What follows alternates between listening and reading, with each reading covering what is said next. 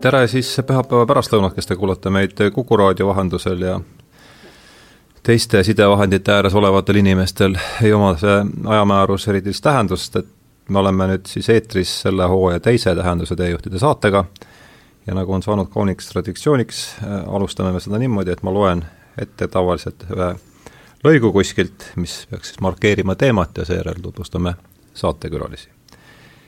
Äh, ja lõik, äh, mille ma ette loen, pärineb Diane Pleningeri kahe tuhande kolmanda aasta Economisti esseekonkurssi võitnud jutust, mille ma kunagi kahe tuhande neljandal aastal ära tõlkisin. ja siin on siis kaks tegelast, see on siis ühe niisugune vestlussaade formaati on see essee valatud ja ja siin on siis nagu meilgi saatejuht ja, ja sedapuhku küll üks saatekülaline. ja alustab siis, loen siis ette tere õhtust, televaatajad! meie külaliseks on Pilobolus Kristallinus, autasudega pärjatud bestselleri Kas me vajame inimkonda, seene perspektiiv autor. härra Pilo-, Pilobus kuulub Seene-riigi seikseente klassi, ta on õpetlane, lektor, sõnnikuelanik ja kirjamees. tere tulemast, härra Pilobus! Härra Pilobus vastab siis, et tänan, Diana!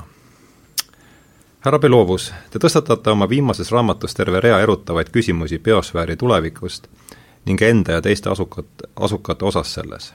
rääkige meile palun oma raamatu tekkeloost. raamatu ideed on arenenud viimase, viimase kahesaja aasta jooksul, kui ma osalesin Maailma Seente Föderatsiooni korraldatud sümpoosiumide sarjas teemal Mida loodus vajab. Maailma Seente Föderatsiooni akadeemiasse kuulub üks liige igast seeneriigi perekonnast. mul oli õnn esindada sõnnikuhallikuliste perekonda üheksateistkümnes, kahekümnes, kahekümnes ja kahekümne esimene sajand on olnud biosfääriline revolutsiooniline periood. milline on olnud lähiajaloo sündmuste mõju seentele? seente lähiajalugu, mis minu arusaamist mööda algas umbes nelisada, nelisada miljonit aastat tagasi, on olnud läbinisti edukas. Seened hõivavad looduses kaks nišši, mille tähtsust ei ole veel kunagi keegi kahtluse alla sea-, seadnud. ühes hoiame käigus süsinikuringet pudemõgijate eliidi seedekulglast antakse surnud orgaaniline aine ökoloogilise süsteemi jälle elavana tagasi. ilma meie tööta oleks elu maal tooraine puuduse tõttu ammu lõppenud. teises nišis töötame koos taimedega. me moodustame koos nendega seenjuuri, mille abil taimed tungivad oma toite pinnasesse ning mis parandavad neil vee- ja mineraalsoolte vastuvõtuvõimet. sellist part-, partnerlust nimetatakse mükoriisaks, müko tähendab seent ja riisa juurt ka taimedest toituvad loomad võidavad sellest kooselust. seega mängivad seened üle kogu maailma kaht väga erinevat rolli, mis on mõlemad biosfääri säilitamiseks väga olulised. et selle mm, katkendiga tahtsin ma siis anda märku kuulajatele sellest, et täna tuleb juttu seentest ja, ja seeneriigist ja ja mul on rõõm siis siin tervitada kahte saatekülalist, kahte akadeemikut, Martin Soobelit, kes on teist korda saates meil ja Urmas Kõlgjalt, kes on esmakordselt, et äh, ma olen siin saatekülaliste tutvustamisel teinud äh, nii palju vigu, et äh, et ma sellel hooajal mõtlesin, et ma lasen teil endil ennast paari sõnaga tutvustada, et hakkame Martinist äh, pihta võib-olla. jah, Martin Soobel, taimeökoloog, meie oleme uurinud või mina kaasa arvatud selle meie hulgas äh, eelkõige taimede kooslusi, taimkatet, inimese mõju taimkattele. aga miks ma olen siin seenesaates, on põhjus see, et tegelikult taimed elavad tihedas koostöös seentega. ja võib-olla see on selline aspekt, mida varem ei taime ega seeneteadlased nii palju kas nüüd tähele ei pannud, aga nii oluliseks ei pidanud. aga nüüd, kus selle olulisust hakatakse rohkem ja rohkem mõistma, siis on ka meie nii-öelda klassikaliste taimeteadlaste pilgud rohkem seente poole pööratud. tere ka minu poolt. mina, Urmas Kõljalg, siis olen seeneuurija ja kui ma algasin, alustasin õpinguid, siis Erast Parmaste juures ma alustasin puhtalt taksonoomina, see tähendab, kes kogub seeni, käisime ekspeditsioonidel, uurisime neid ja järk-järgult hakkasid sisse tulema uued elemendid, enne kui ma jõudsin siis kooseluni äh, seente ja taimede vahel, jõudsin ma digimaailmani. sest äh, aastal tuhat üheksasada kaheksakümmend kaheksa, kui ma ei eksi, toodi äh, ka instituuti, kus mina olin siis veel tudengina, esimene personaalarvuti ja siis me hakkasime juba andmebaase tol korral küll taksonoomilisi tegema ka seente kohta, nii et äh, ja ütleme siis järgmises üheksakümnendatel aastatel jõudsin ma molekulaarbioloogia ja, ja ka kooseluni siis seente ja taimede vahel mm. -hmm nii, meil on siin oma sõiduplaan kokku lepitud, aga enne kui me selle juurde niimoodi laiemalt läheme, et ähm, tekitas mul huvi see, et miks see, mm, selle kirjutise autor, mille ma siin just äsja ette lugesin, et kes on õigupoolest see Bilobolus Kristallinus, kes siis sellest saatekülaliseks oli valitud, mille poolest, mis on tema maakeelne nimi, on ta meile siin üldse tuntud, äh, kus ta kasvab ja miks ta, vaevalt ta juhuslikult selle tegelase päris sinna valis, et kindlasti mitte ja, ja tegelikult selles tsitaadis kõlas ka selle perekonna Biloobulus eestikeelne tõlge, see on sõnniku hallik. ja kui me nüüd tõlgime ka selle liigi epiteedi ära ja paneme kokku selle perekonnanimega, siis on selline kena nimi nagu pabula sõnniku hallik.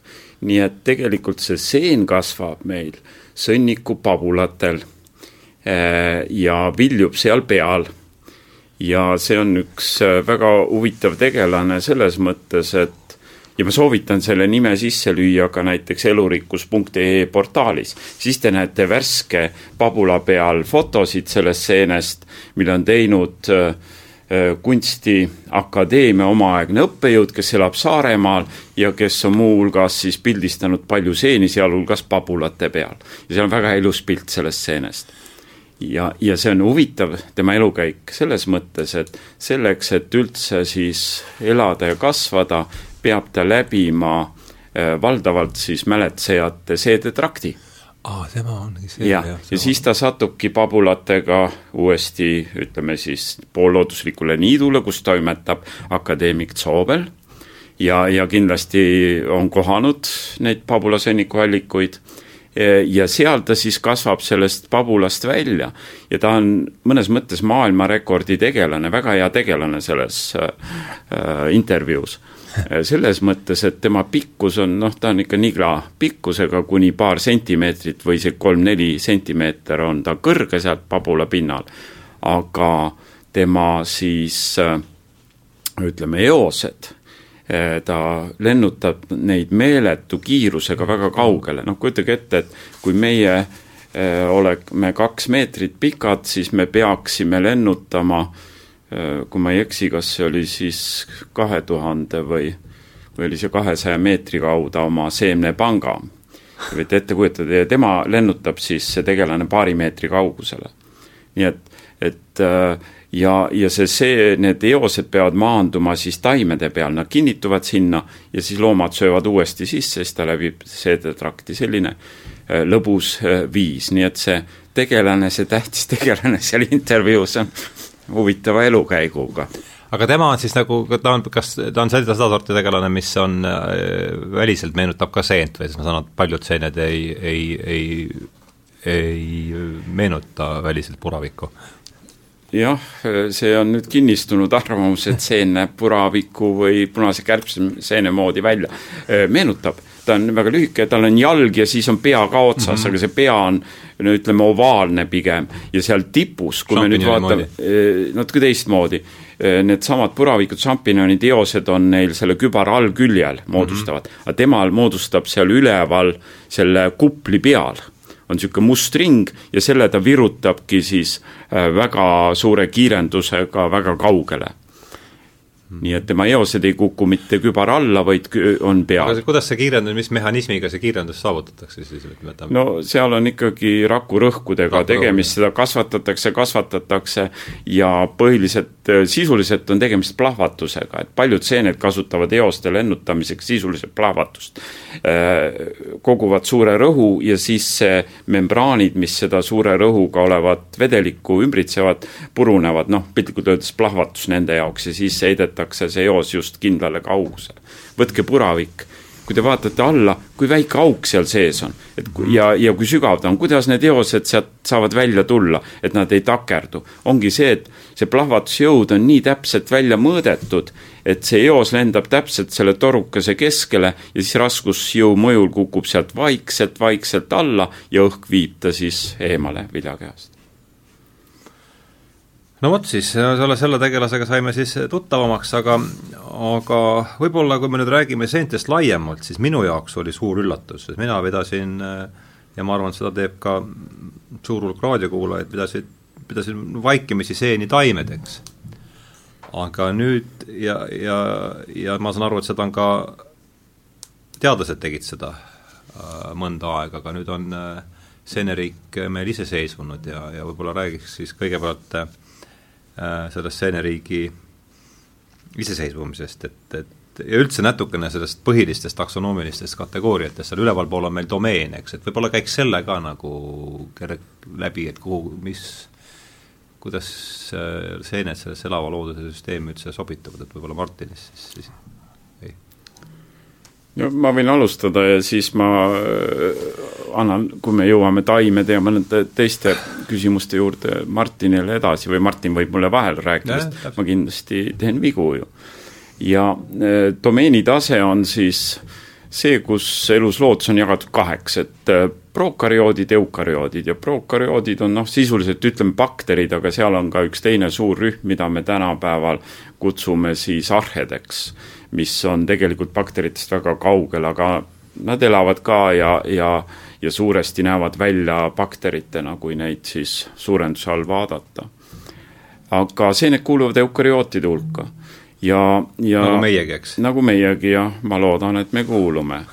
aga, aga see on ka hüpotees, keegi peab ju määrama meid ja, ja, ja kui ta teeb vea, siis ta võib meid ka bakterite hulka määrata ja see on võimalik muuseas, vahele märkus, ma olen teemalt kõrval. kui te lähete geenipanka, siis praegu võib-olla enam mitte, aga omal ajal oli homo sapiens nime all ka bakterite geenijärjestusi. ja vastupidi. Äh, äh, ja see tuleneb sellest, et töötati inimese proovidega ja inimeste proovides on ju väga palju bakterite ja mm. teiste oleste DNA-d ja kui tehti viga, eks ole, siis võetigi vale geen ja pandi vale nime all mm., nii et et äh, on täiesti võimalik, et minu nime all võib olla tegelikult äh, bakterigeeni järjestus.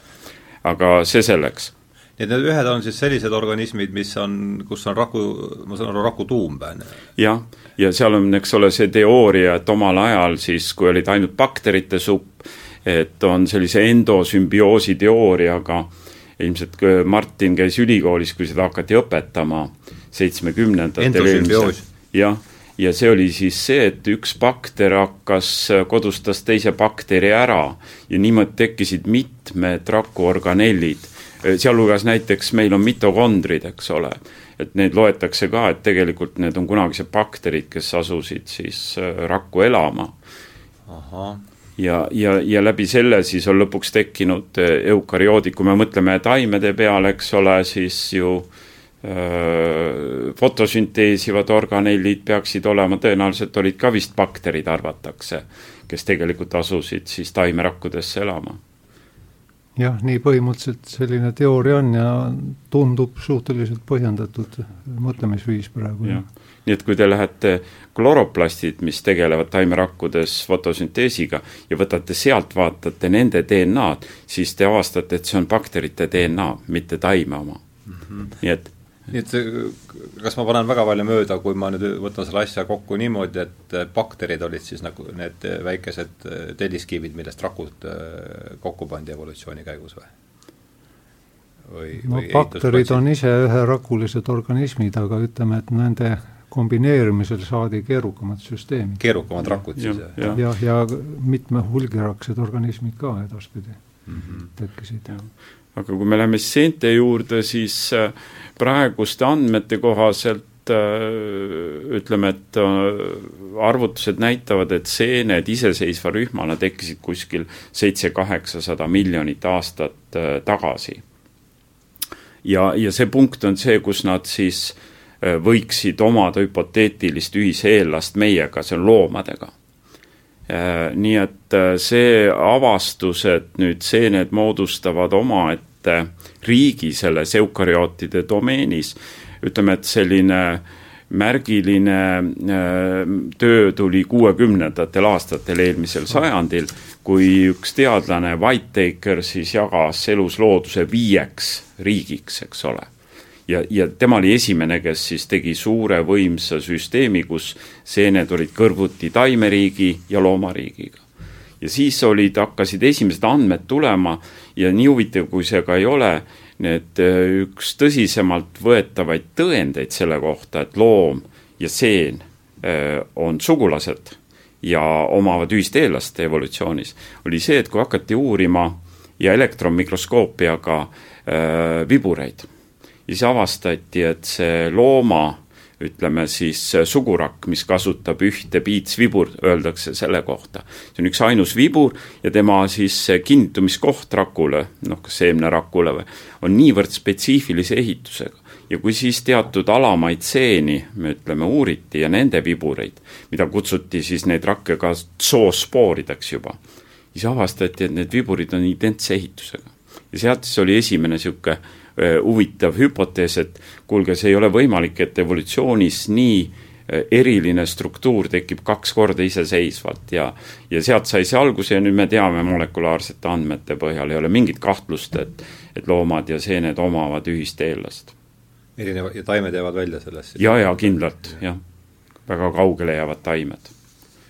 ma, mina lugesin siin sellist asja, et äh, püüame sellele väita, et mida see tähendab äh, siin, tahaks teie käest kuulda, et et seente rakukest koosneb kitiinist, taimedel tselluloosist ja loomadel puudub üldse, et mida ma selle lausega peaks, mina ja teised raadiokuulajad selle lausega peaksid, mis sa peale hakkama? ei no ütleme, et see rakukest ikkagi seentel ehituselt sarnaneb pigem loomaraku kestaga. kitiin on seesama materjal, mis on nagu vähkidel, eks ole, ma saan aru. ja putukatel juha kitiinkest, jah nii et äh, see on ikkagi ka suur sarnasus, siis hakati võrdlema, kui, kui muud näitajad juba tõid loomad, seened kokku, siis hakati ja võrdlema ka raku kesta ehitust ja vastati, et need on ka suhteliselt sarnasemad kui äh, aga raku kest on nüüd, kas raku kest on sama, mis rakumembraan või see on era-?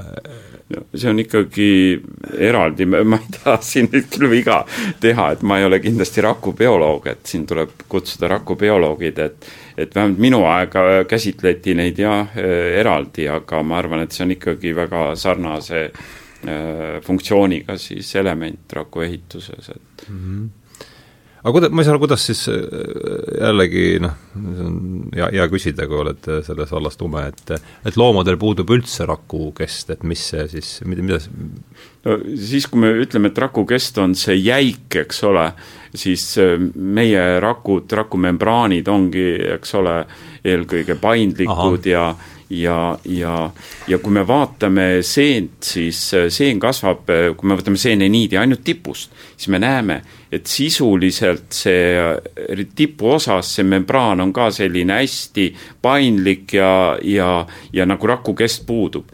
aga nii kui see rakukest äh, hakkab sinna peale kasvama, siis see koht enam ei talitle, ütleme äh, kuidas ma seda nüüd ütlen, seene toitmisel ja, ja siis ta, me ütleme, et tuleb rakukest, et ta muutub jäigaks, eks ole mm, -hmm. ja ta muutub nagu skeletiks ümber raku et, et aga see osa, kus siis toimub toitumine, see osa on äh, seentel ja see on seene tipus ainult, kus ta kasvab, seal toimub ka toitumine. see on siis äh, noh, elastne ja õhuke aga siis see teine asi, mis mul jällegi siin selle lühikese aja vältel, mis ma selleks saateks siin valmistus, et et seened saan ma õigesti aru, et nad toituvad äh, sarnaselt nagu, pigem nagu loomade, loomade moodi või sellest toitumisest võiks järsku rääkida, sest oli siin ka juttu, et ja. hoiame käsi, hoiame käigus süsinikuringet, on, äh, praalib see. See tegelane. Pagulasõnnikuallik et e, e, see, mina Aga... nüüd õpetan tudengitele hästi populaarselt ja lihtsalt ütlen, et tegelikult kui loomad ja seened lahku läksid noh, siis sadu miljoneid aastaid tagasi, nad valisid evolutsioonis toitumiseks väga erineva tee. ja lihtsalt öeldes siis äh, loomad on läinud seda teed, et nad haaravad kõigepealt toidu enda sisse, meie teeme ka seda. noh, me küll tänapäeval valime, aga ikkagi me öö, võtame suure koguse toitu sisse ja enamus läheb ballastiks, eks ole, meil ei ole seda elamiseks vaja ja, ja noh, me väljutame selle aga seened läksid evolutsioonis täiesti teist teed. Nad otsustasid, et nad ei võta toitu sisse, vaid et vastupidi, need ensüümid, mis meil keha sees lagundavad toitaineid mm, -hmm. need kõigepealt liigutakse kohta, kus on toit, siis eritab see seeneniit need ensüümid välja, need lagundavad ja siis ta võtab sealt valikuliselt ainult selle osa, mida ta kasvuks vajab. et see seedimine toimub nagu keha, meie mõistes siis kehaväliselt? jah, jah, ja, ja, ja, ja see tagab selle, et siis ta otsib substraati kogu aeg hirmus aktiivselt, eks ole. substraat on siis see pinnas või, või või toit, mida ta vajab, eks ole. ütleme, et kui on majavamm, siis ta otsib sobilikku puitu mm -hmm., noh, kaltsiumi ja vett, eks ole, ka alguses, nii et et ja on teine seen, kes otsib siis äh, midagi muud, eks ole, et, et ütleme, et pärmseened otsivad suhkruid ja ja seda kohta, kus kohe otse suhkrut majavamm, siis need ensüümid ongi see, mis siis meil see e majad äh, tuksi, ära lammutab. tuksi keeravad. jah, sest tema suudab väga efektiivselt äh, äh, lagundada nii tsellu, just tselluloosi eelkõige peamiselt. lõhkuda selle siis tema väga vänged happed lõhuvad selle suhkruteks ja siis ta võtab juba suhkru endale toitaine sisse otse mm Äh, nii et äh, ta ei tegele sellise ütleme, üleliigse toidu sissevõtmisega, aga ta lammutab seda siis väljapoole ennast.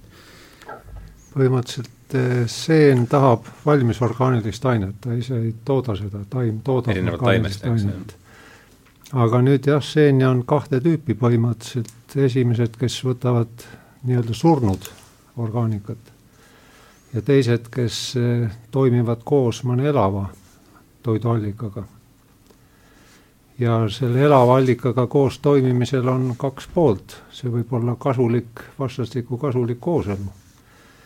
nii et seen saab orgaanilist ainet näiteks taimelt ja annab midagi vastu, aitab näiteks mineraaltoitained ammutada mullast. aga teine võimalus on see, et seen toimib no nii-öelda parasiidi või patogeenina, sisuliselt nagu midagi vastu ei taha anda, et pigem ainult võtab et on niisugune täielik pluss-pluss suhe ja pluss-miinus suhe ja siis vahepeal see spekter, hall spekter, vahel on nagu rohkem parasiit ja vahel nagu rohkem sümbiont. nii et kas surnud või elav orgaanika, siis vastavalt seal on veel oma spetsialiseerumised. et majavamm, tema on surnud orgaanikast toituja mm. -hmm. aga kui siin rääkida nendest äh, taime ja, ja, ja seeneriigi suhetest, ma saan aru, et üks kohe, kui siin üsna aegade alguses sõlmisid seened sellise strateegilise koalitsiooni vetikatega, et see on nii, nii vähe, nii palju, kui mina sellest jõudsin. jah, absoluutselt. no põhimõtteliselt siin ongi kaks suurt asja üldse, kui ma tuletan meelde, mis, mis meile õpetati, kui mina veel tudeng olin või kooliõpilane, siis tegelikult oli kaks märkimisväärset asja, esiteks seeni käsitleti botaanikakursuses siiski justkui nad oleks taimed. Ja teiseks mina oma stuudiumi vältel ei kohanud sellist terminit äh, nagu seenjuur ehk mükoriisa, ehkki ma mm. teadsin, et ta esineb, aga see ei olnud nii-öelda letil.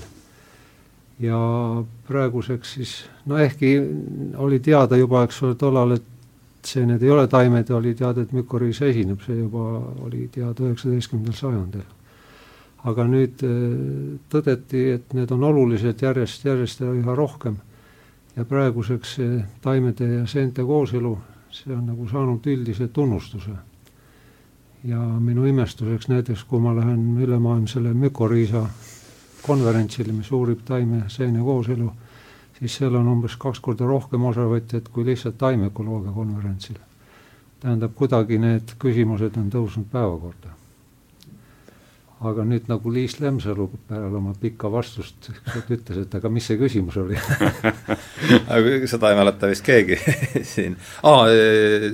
strateegiline koalitsioon vetikatega üsna siin no põhimõtteliselt eh, eks see on kõik veel hüpoteesi tasemel, aga ilmselgelt kui taimeriik tuli veest välja maismaale, siis tegid nad seda koostöös seenega. kuidas see täpselt käis ja kes mida need on erinevad teooriad ja ega siin nii-öelda evidentsi, kui eesti keeles -hmm. öelda, kriminaalfilmide eeskujul on vähe, aga põhimõtteliselt taimed saaks nii-öelda võõras vaenulikus maa-õhkkeskkonnas kuidagi hakkama, siis olid nad seenega koos, jah. et seened olid siin maa peal vastas põhimõtteliselt? jah, kas nüüd enne või tulid nad enam-vähem samal ajal, ma ei oskagi öelda jah, ilmselt äh, härra äh, Sõnnikuallik oskab sellele vastata, kuna tal on nii pikk teadmus, aga aga meie siis oleme tema huvi orbiidis väga lühikest aega. aga ilmselt siis Sõnnikuallik, härrasmees, arvas, äh, rääkis samblikest, et et tegelikult, eks ole, on siis seened ehitavad äh, sellise struktuuri, kus nad siis kasutavad äh, rohevetikarakke, tegelikult ka teatud baktereid, selleks, et need fotosünteesiksid, luuaks, looks orgaanikat, mida nemad saavad kasutada. ja see on, ütleme, et ta ei ole nii intiimne kooselu, kui on taimejuurtel, eks ole, seentega, kus tõesti rakud lähevad rakkude vahele ja noh, toimub selline äh, tõeline seenjuure moodustamine, kus taimed arvatakse, lasevad seened sisse kasvada. aga siin vetikas nüüd selles sambliku talluses on iseseisvana, aga ta on ümbritsenud see seeneniitidest ja arvatakse, et nemad olid ühed esimesed sellised sümbioosi organismid maismaal kes valmistasid pinnast ette, praegu kui te lähete kividel, on ju näha väga palju samblikke, eks ole, Äh, pinnasel, kus mulda praktiliselt ei ole, kes kasvavad. ja samblik ongi, äh, ongi siis tekkinud seete ja vetikate koos. koos eluga jah, jah, jah, aga noh, kui nende nimedest räägitakse, siis tegelikult räägitakse seente nimedest, nii et kui keegi ütleb, et see liik, eks ole, sambliku, siis see ei ole nagu see kooseluliik, vaid see on seeneliik, kes mm. seda moodustab. nii et iga seeneliik moodustab kindla välimusega sambliku et, et aga nüüd varajasele maismaa taimede juurde tulla, et et on üks uus huvitav teooria, et siin juba pikka aega on leitud väga huvitavaid fossiile, umbes nelisada viiskümmend, nelisada kuuskümmend miljonit vanad. ja kogu aeg on arvatud, et need on taimed, noh, ja ühed suuremad maismaataimed tollest ajast. ja nüüd on järk-järgult muidugi uute meetodite, tehnoloogiate tulekuga on uuesti neid asutud analüüsima ja on täiesti uus ja, ja noh, hämmastav teooria, et tegemist on hoopis seentega. et seened olidki sellised mitu meetrit läbimõõdus, suured no, ja, ja, ja seda, neid pilte nüüd levitatakse, kunstnike jooniseid muidugi. et, et mis on väga põnev, et, et tõesti seened olid meeletult suured ja siis ilmselt tasapisi arenes äh, taimekooslused, eks ole, taimed ja, ja algas siis paratamatult kooselu, äh, kas siis pa-, patogeenidena eh, tegutsesid seened või siis juba taimed kodustasid nad ja, ja, ja tekkis selline koostöö eh, juba sümbioosi näol. see ja sealsamas dokumentaalfilmis, mida ma natuke jõudsin vaadata, kui ma siia täna sõitsin, et see oli jah päris hämmastav, kuidas nad ikkagi ka la-, mineraale lahustasid ja tegid neist, eh, seletas, et hape sisse ja, ja, ja ja suured kivimid murendati ära, et see tundus täitsa jah, ja bioloogiline murenemine on oluline osa mullateke protsessis. ja tegelikult jällegi üks aspekt, millele me, ma arvan, peaaegu üldse ei mõtle, on see, et seentel on väga suur roll üldse mullatekkes. selles, kuidas viljakas muld meie ökosüsteemides kujuneb ja sealhulgas põllumuld, mida me kasutame siis just kivimite lagundajana või millegina veel? kivimite lagundaja punkt üks, punkt kaks ju aineringe toimib tänu seentele, suur osa surnud orgaanika lagunemisest mm. on seente abil, ehkki mitte ainult, seal on ka muud mikro, mikroorganismid mängus. ja näiteks kui ma nüüd lähen veidi spetsiifiliseks, siis on need nii-öelda mükoriisaseened. väga keeruline nimetus, arbuskulaarmükoriissed seened, mis enamike meie rohttaimede ja mõnede puudega koos elavad mikroskoopiliselt, aitavad nagu juurepikenduseks taimedel, moodustavad niisuguse lisaniidistiku lisaks juurtele, mida kaudu taim saab mineraalaineid ja vett ammutada mm,. nii et taid on nagu taime juurepikendus. just, aitab nagu mm. lisajuured, mida me silmaga ei näe tegelikult mm.. ja neid hüüfe on muld täis ja nüüd nende hüüfide lagunemisel, kui nad nii-öelda surevad, satuvad mulda sellised ained, mida kutsutakse keemilised glükoproteiinid. näiteks nende koondnimetus on glomaliin. ja see glomaliin annab mullale sidususe. tegelikult on nagu looduslik liim, mis aitab mullaosakestel üksteise külge kleepuda ja nagu tekitab selle olukorra, et mullast ei leostu mitte toitained ja kasulikud taimetoitained välja, vaid nad jäävad sellisesse tihkesse massi, mis tegelikult moodustabki koos humiinhabetega huumuse. nii et kui ma nüüd lihtsalt ütlen, siis seentel on mulla tekkes väga suur roll ja kui seen ei oleks, siis lagunenud orgaanika uhutaks sealt välja ja muld kaotab oma sidususe ja oma viljakuse et, et see on suhteliselt uue aja teadmine, glomaliin kirjeldati tuhat üheksasada üheksakümmend viis. kuidas, mis see sõna oli?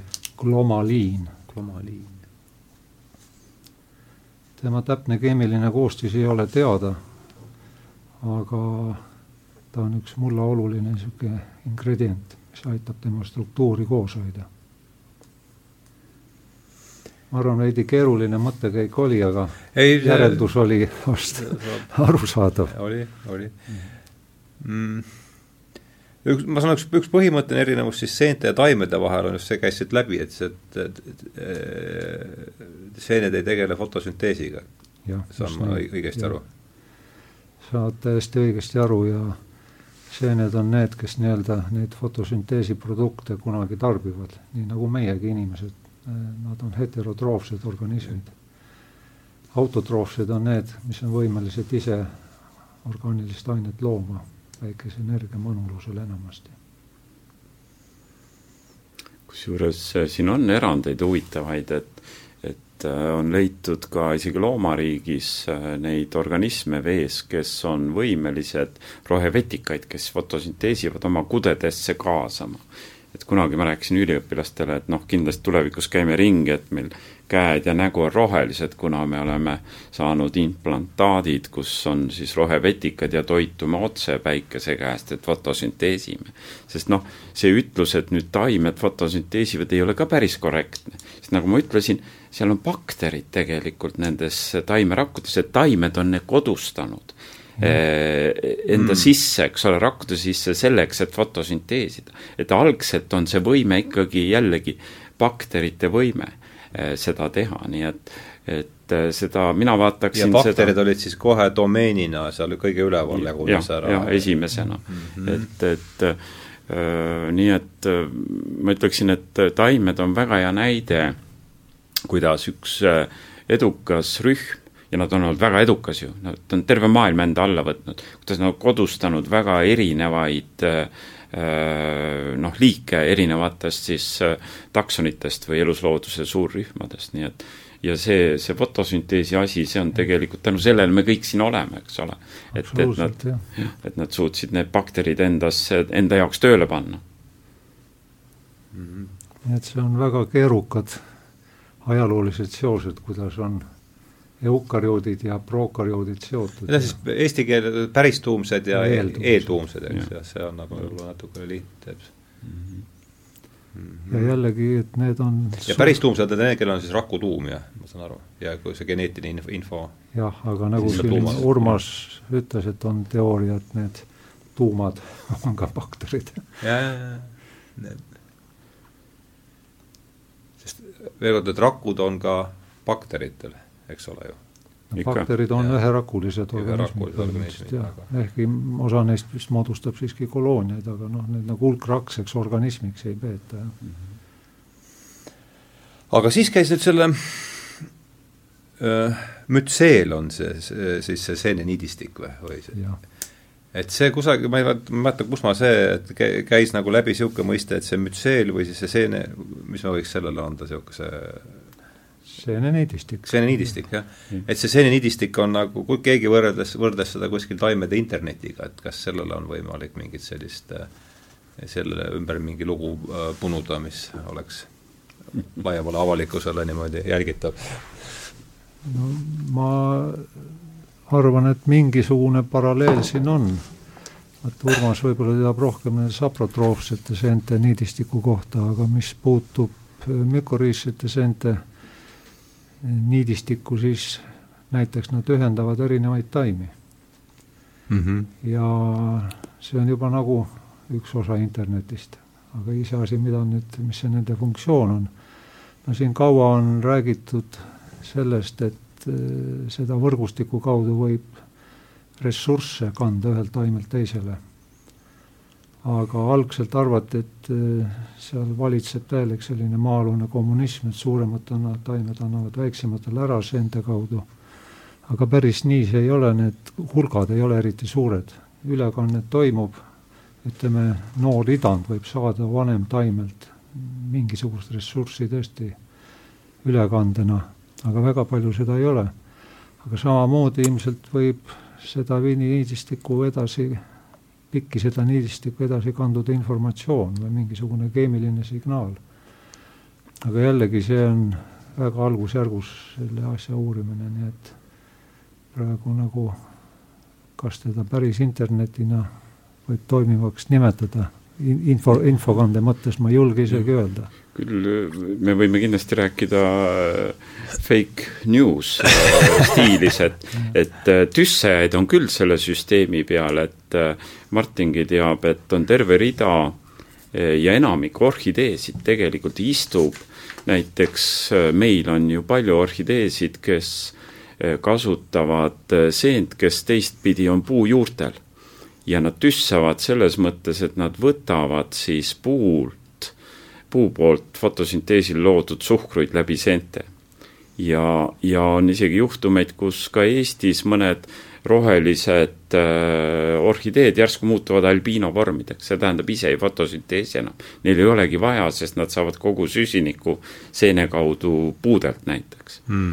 ja osa kuulajaid on kindlasti näinud, eks ole, on ju seenlill Äh, meie okaspuu või segametsades, mis on selline valge ja vahajas ja ei ole mingit rohelist märki ja tema istub samamoodi seene peal, mis siis toob talle puu juurtelt äh, süsinikku. nii et, et ütleme, niisuguseid tüssejaid on selles süsteemis taimede seas nüüd, mis? Ah,, ma tahaks tegelikult äh, viia jutu, kui võib, et äh, ma ei tohiks seda saadet juhtida, aga, aga, aga ma viiks selle individualismi peale mis on võib-olla saatejuhi ka äh, eriala ju tegelikult ja majandus ja meie ühiskond, et, et minu meelest selles suurepärases intervjuus ja ma tänan veel kord, et ma selle sain, selle intervjuu Pabula sõnniku allikuga, seal oli just see välja toodud, et, et seentel puuduvad indiviidid ja tõesti, kui me vaatame, siis on väga raske seente puhul indiviidi nagu piiritleda. ja äh, noh, see oli kindlasti üks, miks ta ütles seda, et ei ole indiviide, et ja ei tekigi seda probleeme, mis võib olla niisugused üksikindiviidi egod ja õigused, et et äh, ja selles mõttes on see, need väga head, oli muidugi tema sõnum, et et äh, maailma edasi viia. et et seente puhul on ju see, et seesama niidistik eh, on küll mõõtmisi tehtud ja öeldud, et näete, siin on maailma vanim organism, mis on tuhandeid aastaid vanu, on mõõdetud seeneniidistikku näiteks mullas, vanas metsas eri kohtadest ja leitud, et analüüsiga, et tegemist on sama indiviidiga. aga tegelikult see seeneniidistik omavahel ühendust ei pea, infot ei vaheta, sest ta on nagu ära söödud või tapetud eri tükkideks. Isegi kui me vaatame äh, nõiaringi, kus on äh, seeneviljakehad ringis näiteks metsas või, või aasa peal, siis kui sage see on, see niisugune? no päris sage, sest kui te panete Peetri tassile seene ühte keskele kasvama, siis ta kasvab ühtlase kiirusega igas suunas mm. -hmm. lõpuks hakkab keskelt ära surema, aga kogu aeg kasvab edasi, eks ole, ja siis servaaladel tekivad viljakehad aga see ring ei ole ka enam ühtne, ta on ikkagi eh, noh, looduses ei ole võimalik lõpmatult eh, kasvada üheskoos ja infot vahetada, nii et et sentel indiviidid sellisel kujul puuduvad, et pigem neid tehakse tükkideks kogu aeg. jah, ja nüüd, kui siin Urmas rääkis petmistest, siis petmise ja kasu ja kahju küsimus on looduses üldse küllaltki komplitseeritud, sest inimesele tegelikult meeldib hinnangut anda, kas see organism on kasulik või kahjulik. kas me võitleme või soodustame, kas see on haigus või ei ole. Aga seal seente puhul see spekter, nagu ma enne vihjasin, on pidev. näiteks seesama seen, mis elab taime juures, teatavates tingimustes aitab taime väga tema toitumises. siis kui on stressitingimused, kui on muld liiga kuiv, taim ei saa üldse toitu kätte ilma seeneta. aga samas, kui tingimused muutuvad heaks, ega siis seen ära ei taha minna. Ta võtab ikka hea meelega taimelt toitu nii-öelda autasu vastu, ehkki ta ei aita enam. ja siin näiteks taimedel on erinev võime eri liikidel reguleerida seda kooselu. mõni taim hakkab seent kohe alla suruma, ta ei anna talle ressurssi, tal on ilmselt mingid hormonaalsed mehhanismid seda seent alla suruda, kohe kui tal see kasu saamine väheneb. teised taimed ei oma seda võimet ja seen sisuliselt hakkab neil parasiteerima. Näiteks üks klassikaline uurimisobjekt on sidrun, mis ei oma võimet seenest lahti saada olukorras, kus seen teda enam ei aita et seal on niisuguseid toredaid gradiente võimalik teha, muudame mulla üha viljakamaks, seenest on üha vähem kasu, aga oma ressursi saab ta ikka kätte, nii et ühes otsas, ühes potis on ta sümbiont, kes taime aitab, teises parasiit, sisuliselt nagu patogeen juba, võtab mm. taimelt ressurssi ja vastu midagi ei anna. Nii et see pluss ja miinus võib kõikuda ajas ja ruumis. Ja, ja ei ole alati nii lihtne öelda, kas keegi on kasulik või kahjulik. Ja ma mäletan, et siiamaani tuli, mu sõber Jaak Johanson tuli kuulge, ta oli vaadanud õhtul filmi Putukad, see praegu on, kui need äh, kaamerad on ju nii mikroskoopideks läinud, neid putukaid saab seal niimoodi lähedalt elukombeid jälgida, siis ta sealt et mis toimub, et korruptsiooniindeks on niivõrd kõrge kogu selle sahmimise peale, mis seal kes, kes, kes keda jälle kui palju tüssab seal, et aga tuli see inimese teema sisse ja võib-olla ma siis võtan siit veel ühe sellise järgmise lõigu, mis ähm, annab natukene, mille ümber me saame siis edasi arutada. et äh, küsib siis saatejuht järgmise küsimuse, et millal inimkond teie ajalukku astub? et inimkond tuleb meie ajalukku umbes kakskümmend tuhat aastat tagasi, siis kui avastati alkoholi kääritamine. Selles, selle saavutuse omistame perekonnale Saccharomyces, on vist niimoodi, tuleb hääldada seda? jah, päris hea nii, kõrti, mida keetsid hominiidid, kelle elu võiks kuni selle ajani kõige paremini iseloomustada kui räpast, brutaalset ja lühikest, tähendab siis nende hominiidide kõrti sattusid pärmseente ürgeosed. algas aeg, mida me nimetame inimese ja seene vaheliseks mesinädalateks. kahjuks ei kestnud need kaua. Saatejuht tunneb suvi, et mis need lõpetasid? kaks asja. esiteks põllumajandus monokultuurne maaviljelus ja loomakasvatus tõid endaga kaasa mõnedele meie liigikaaslastele, eriti nõgi, rooste ja kottseentele väga ohtlikuks osutunud taime- ja loomu, loomapopulatsioonide kontsentratsiooni. mõned kultuurtaimed ja kariloomad osutusid aga haavatavaks seente põhiliste ainevahetussaaduste suhtes. nii näiteks valmistab mu kolleeg Claviceps purpurea biokeemilist ainet ergotoksiini see on inimesele saatuslik, põhjustades gangreeni, hullumeelset, hullumeelsust ja surma ometi ei ole teaduslikult usutavalt, usutavalt tõestatud, et, et ergotoksiin arenes Claviceps purpureas just megafauna kahjustamiseks.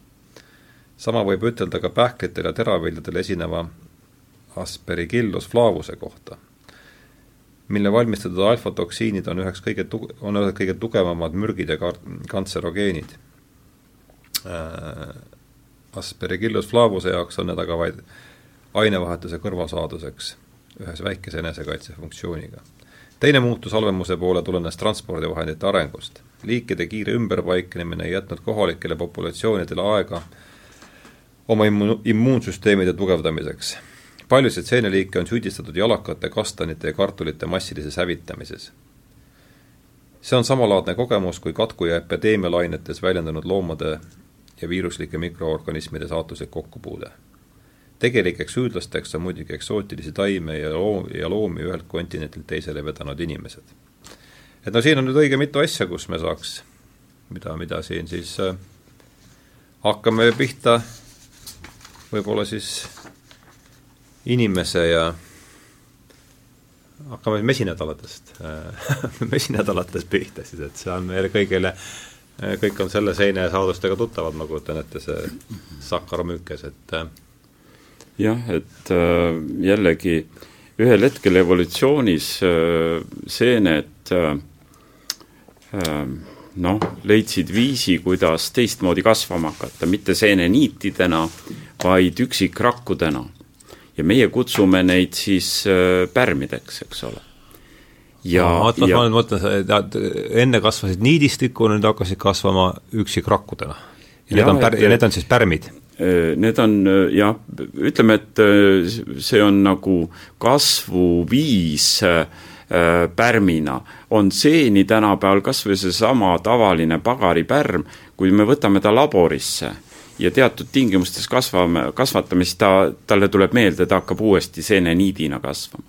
Nii et uh -huh. evolutsioonis tekkis see pärmina kasv, kus seeneniit ei ole, seeneniit koosneb paljudest rakkudest, aga see pärmirakk koosneb ainult ühest rakust, on üks rauk ja ta on väga sfäärilise kujuga ja ta on väga hästi kohastunud kasvuks vedelikus või vedelas keskkonnas Äh, noh, ja selleks ongi taimemahlad, kus on palju suhkruid, eks ole, ja, ja loomulikult siis kõik see, mida ka inimene nüüd on õppinud äh, valmistama.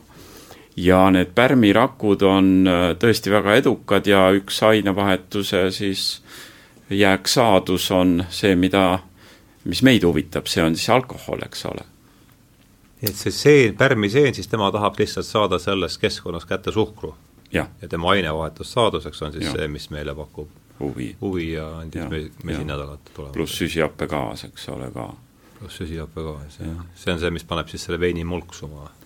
Nojah, see sealt põhiliselt on ikkagi süsihappegaas, mis sealt välja tuleb, eks ole, või või kui te panete rõhu all siidri vaati siis ja jätate, siis see rõhk tõuseb, siis see on ikkagi, valdavalt tekib süsihappegaas ja rõhk on kõrge, siis ta äh, lahustub ju, eks ole, vedelikus ja siis, kui me laseme, siis on mullid vees, et mm -hmm. või, või selles siidris, et kui ma nüüd väga valesti ei räägi. aga see oli väga oluline samm evolutsioonis teatud seentele selleks, et siis uut substraati, millest siin äh, substraat on see toit, toitaine keskkond põhimõtteliselt ja,. jah, et see võimaldas siis, sest seeneniidina kasv ei ole väga efektiivne vedelas keskkonnas.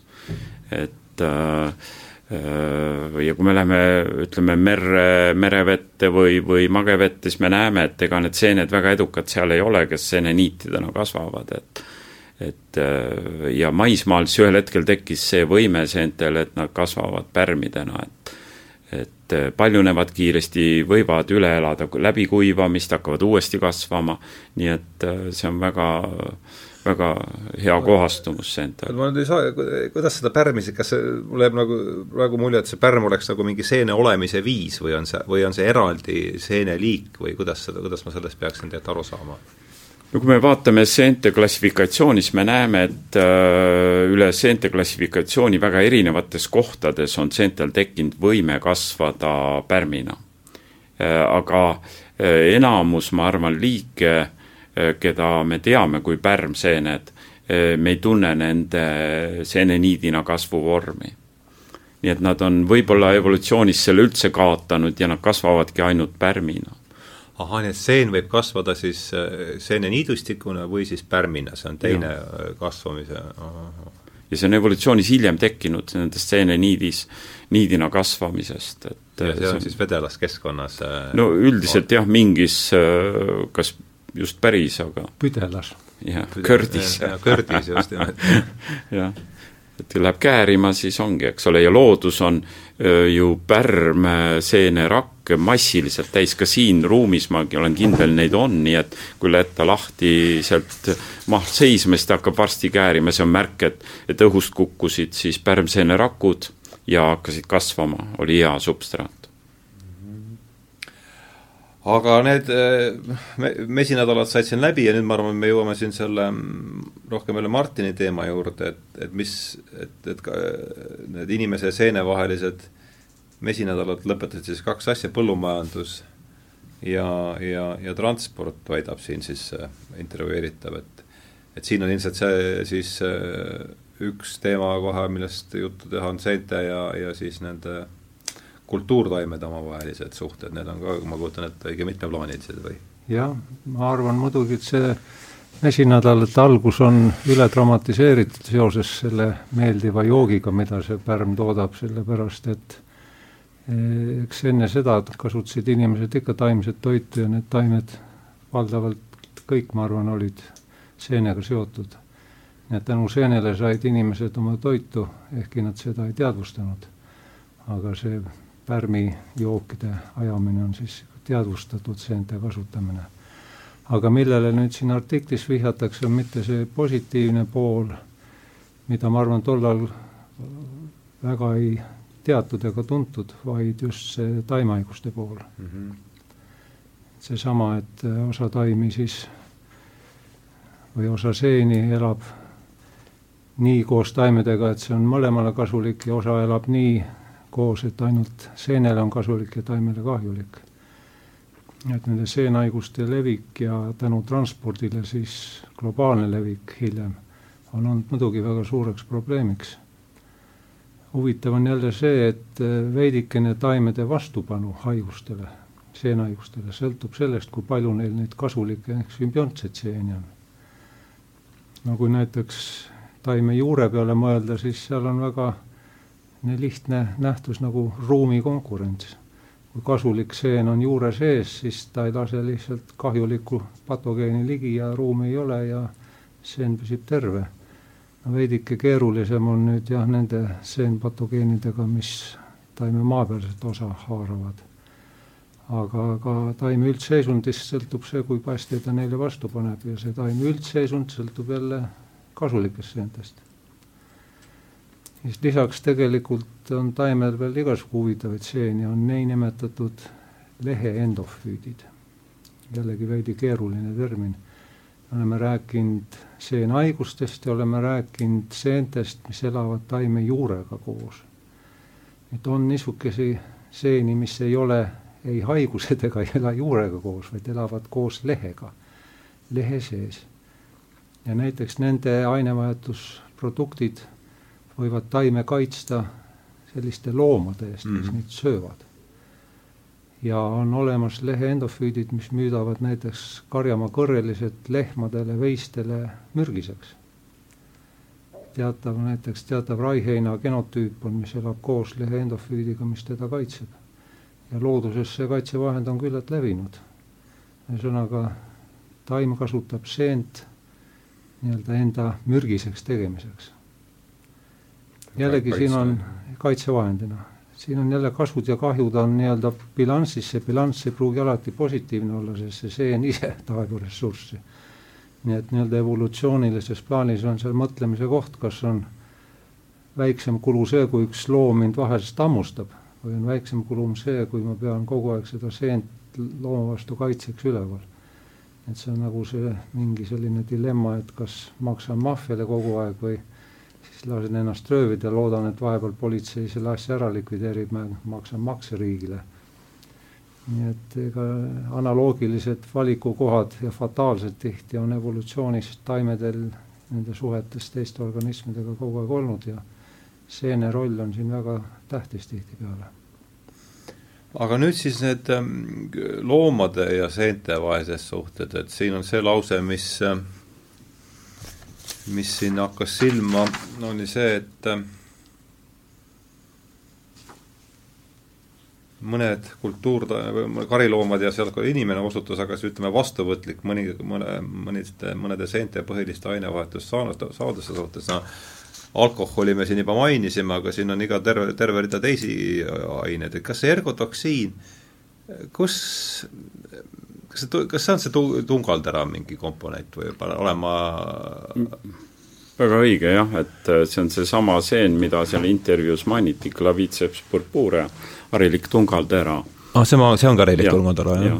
ja, ja, ja see seostub ka sellega, et äh, selle mesinädalate lõpuga, et kui inimene hakkas äh, väga efektiivselt kasvatama ühte liiki või selle liigi ühte, eks ole sorti suurel pinnal, siis oli võimalik ka seenel, kes seda taimeliiki näiteks äh, ründas patogeenina, äh, sellel samal suurel alal oli järsku tal söök kohe ette antud ja ja, ja selles mõttes seesama tungaltera, mis võib-olla muidu oli siin-seal natukene, tal oli võimalik näiteks rukkipõllul, ta on rukkiga väga tihedalt evolutsioonis seotud, just ta moodustab nagu sellise musta äh, Äh, niidistiku kogumiku selles pähikus, nii, mis näeb natuke välja nagu rukki enda tera.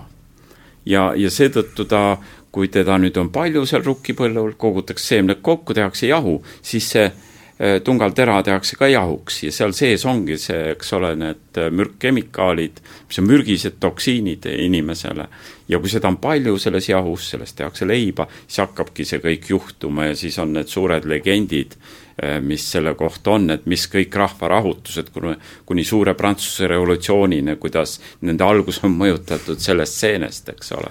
kas seal oli ka, kas ta kuidagi sõltus ilmastikust ka, et kui oli vihmasem ja külmem, et siis oli jah ta..., et noh, rukist ongi, eks ole, ka kasvatame rohkem põhja pool traditsiooniliselt, et et äh, ta peab äh, talve üle elama, saama natuke külma ja, ja kevad peab olema siis jahe ja niiske ja pikk, et selleks, et see maha pudenenud tume, siis me ütleme, skleroos on väga keeruline nimi, aga kui ta valmis saab ja seda ära ei korjata, ta kukub maha maapinnale, siis ta kevadel idaneb ja vot selle pisikese tera peal on siis väikesed seeneviljakehad tekivad, mida saab luubiga vaadata ja seal tekivad eosed, mis siis nakatavad seda uut trukist, kui sinna nüüd siis põllule panna mm. -hmm aga no siis see on nüüd natuke rohkem küll selle mm, juba võib-olla teise nurga pealt seeneriigile vaatame ja tõenäoliselt teise te saate teema, aga aga noh, seente koht üldse sellises mm, kultuuriloos igasuguste allutsinogeenidena, siin tuleb psühhotsübiinid ja mida me sellega, mida me nende kohta oskame,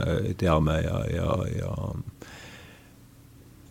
no eks inimesed on selle vastu suurt huvi tundnud ja, ja, ja võib-olla üks äh, algus äh, nüüd, kus toodi kaasaegsesse inimühiskonda see teadmus, käis ju ka endine pankur, see oli see Weisson Ameerikast, kes oli vist mingi Rockefelleri panga tegelane eelmise sajandi keskel, tema hakkas hirmsasti seente vastu huvi tundma ja just etnomükoloogia ja siis hallutsinogeensete seente Kesk-Ameerikas, ta tegi palju ekspeditsioone kuidas ta, kuidas ta nimi oli, ma ei ole selle peale nime peale oota.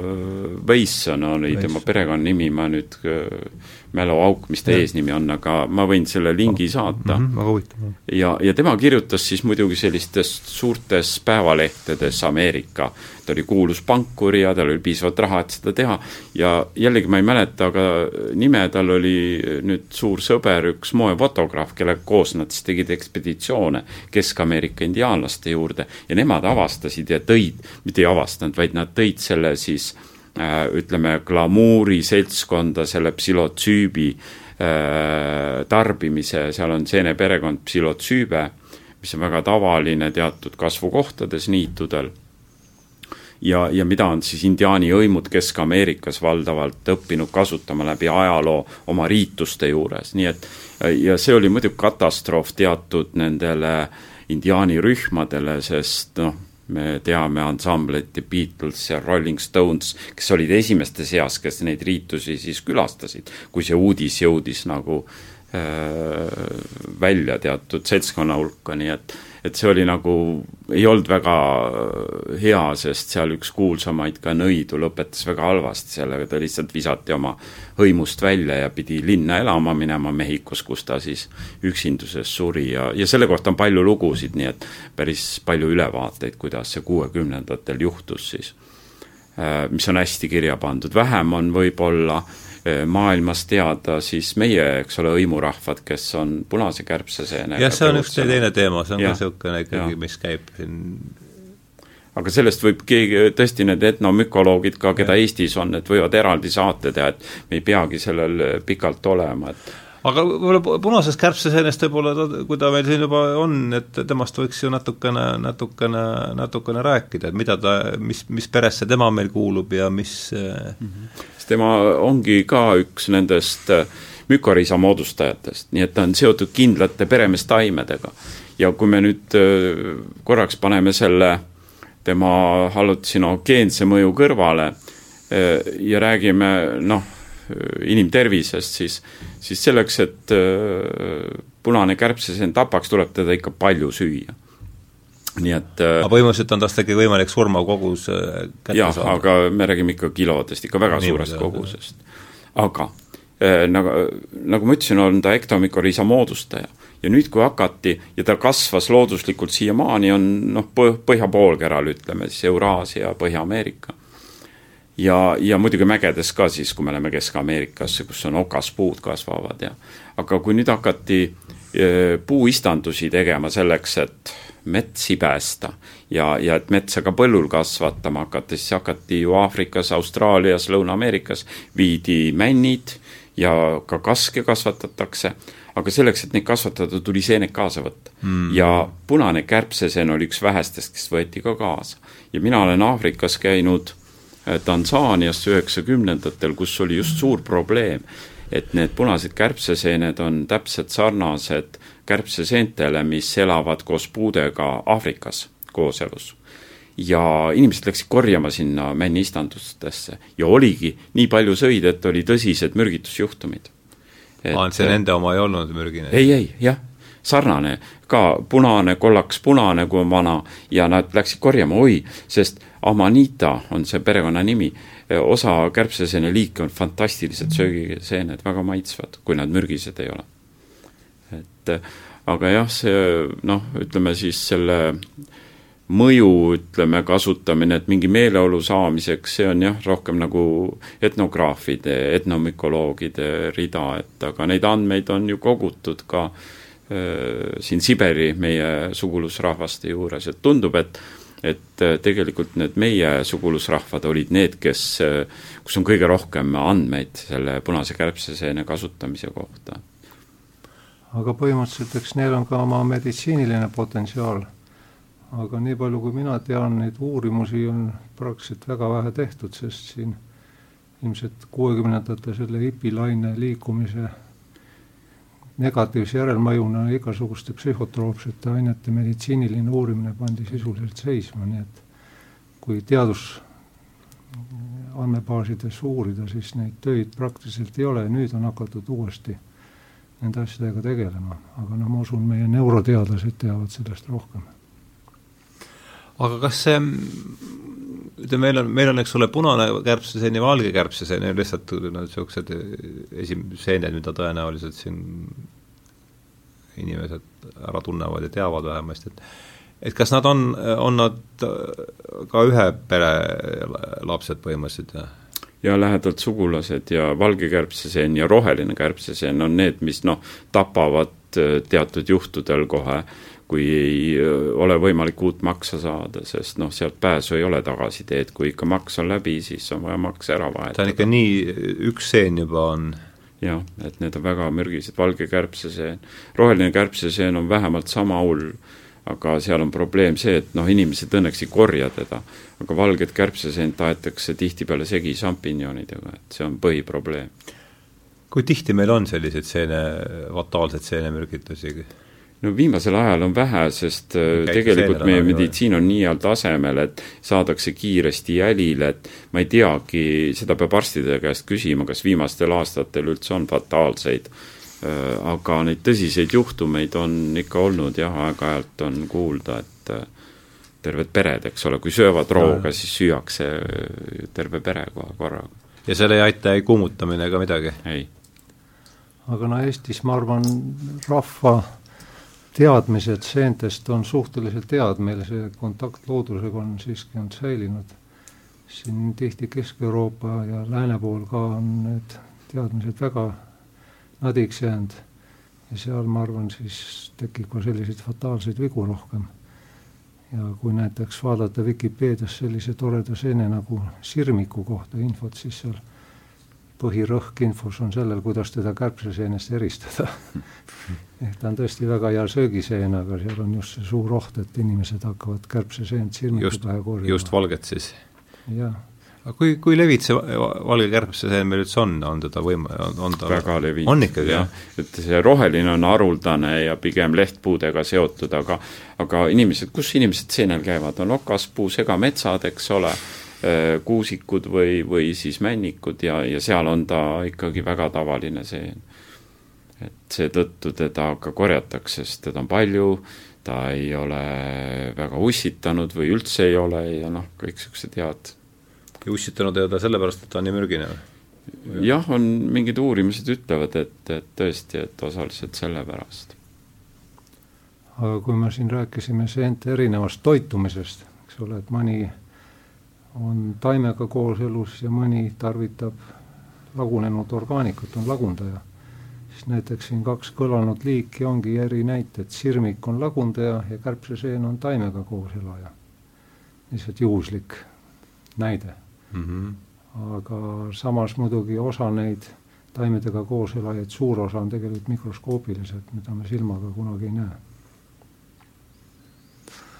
ahah, et ühed ikkagi siis võtavad see, need, kes sealt, ühed on siis need, kes sealt kivimit need oma nende ensüümidega sisuliselt? no sisuliselt, no võtame sellesama sirmiku, siis tema seeneniidistik on seal mullapindmistes kihtides, kuhu satub varisena surnud orgaanika, näiteks taimejäänused mm, -hmm. lehed, okkad, tüved kukuvad, hakkavad mädanema, mõni putukas sureb ära. seda surnud orgaanikat tema hüüf lagundab mm. -hmm.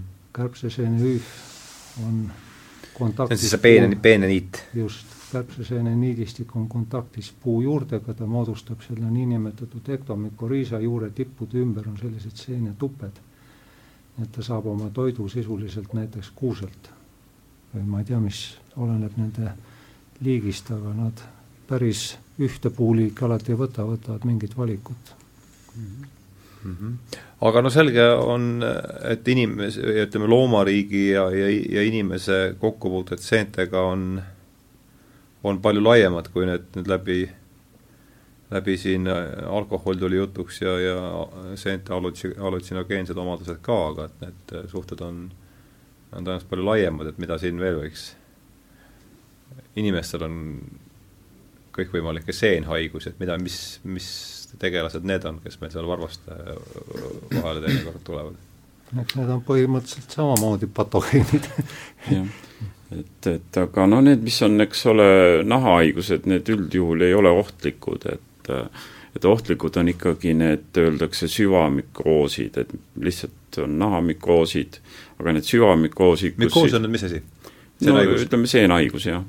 ja õige, kas ütleme seenhaigus, aga arstid ütlevad ilmselt mükoos ja, ja need süva siis seenhaigused, kus seen tõesti juba meie sees elab, et need on ohtlikud ja ja eriti ohtlikud on nad neile, keda, kellel on näiteks mingi immuunpuudulikkus, eks ole, mingil põhjusel, et neid haigusi on ju erinevaid, noh, kas või äh, AIDSi haiged on, eks ole, äh, nõrgema immuunpuudulikkusega või on immuunpuudulikud ja, ja ja teiseks on igasugused siis äh, organite siirdamised, mis on ka.